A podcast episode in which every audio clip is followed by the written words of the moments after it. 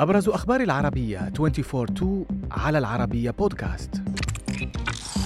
ما زالت مفاجآت كتاب Never Give an Inch لمايك بومبيو تنهال على الأوساط الدولية. آخرها قوله إن الهند وباكستان اقتربتا من اندلاع الحرب النووية في 2019 وزير الخارجية الأمريكي السابق أوضح أن هذا الأمر حدث بعدما شنت نيودلهي ضربات ضد مسلحين في باكستان في أعقاب هجوم على القوات الهندية في كشمير.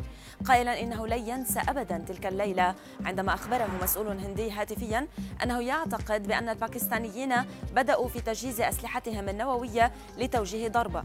وأضاف بومبيو أن مسؤولين أمريكيين أجروا اتصالات عاجلة مع مسؤولي البلدين لإقناع كل طرف بأن الآخر لا يستعد لحرب نووية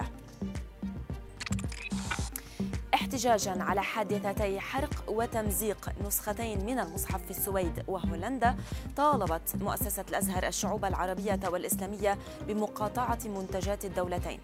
الأزهر قال في بيان نشر على صفحته بفيسبوك إنه يطالب الشعوب العربية والإسلامية بمقاطعة كل المنتجات السويدية والهولندية واتخاذ موقف قوي موحد نصرة لكتاب الله مضيفا أن المقاطعة تعد ردا مناسبا لحكومتي هاتين الدولتين في إساءتهما إلى مليار ونصف المليار مسلم والتمادي في حماية الجرائم الدنيئة والبربرية.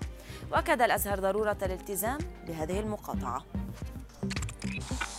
في قرار أثار ضجة وسخرية واسعتين أمر القائد العام للقوات الروسية فاليري جيرازيموف جنوده بتحسين انضباطهم اليومي. صحيفة ذا تايمز أوضحت في تقرير لها أن هذه التعليمات الجديدة شملت فرض الزي الموحد وقصات الشعر الموحدة على الجنود إضافة إلى حلاقة اللحية أو الذقن.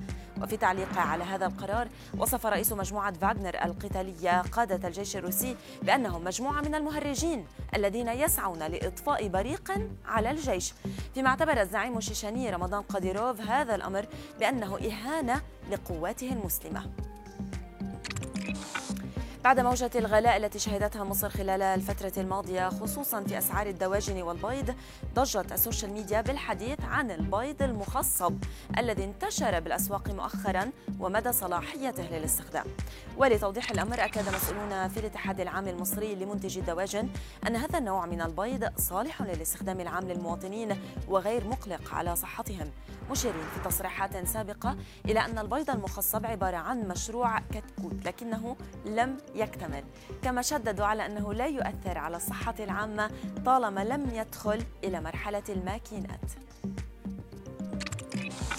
وفي خبرنا الأخير أعلنت الشرطة الأمريكية أن كلبا أطلق النار وقتل رجلا بعدما داس الحيوان على زناد سلاح عن طريق الخطأ أثناء رحلة صيد.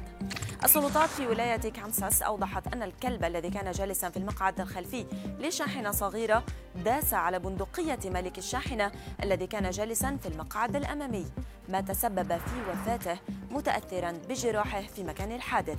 فيما أعلنت الشرطة في بيان منفصل أن التحقيق جار لكن التحقيق الأولي يظهر أنه حادث متعلق بالصيد لا أكثر.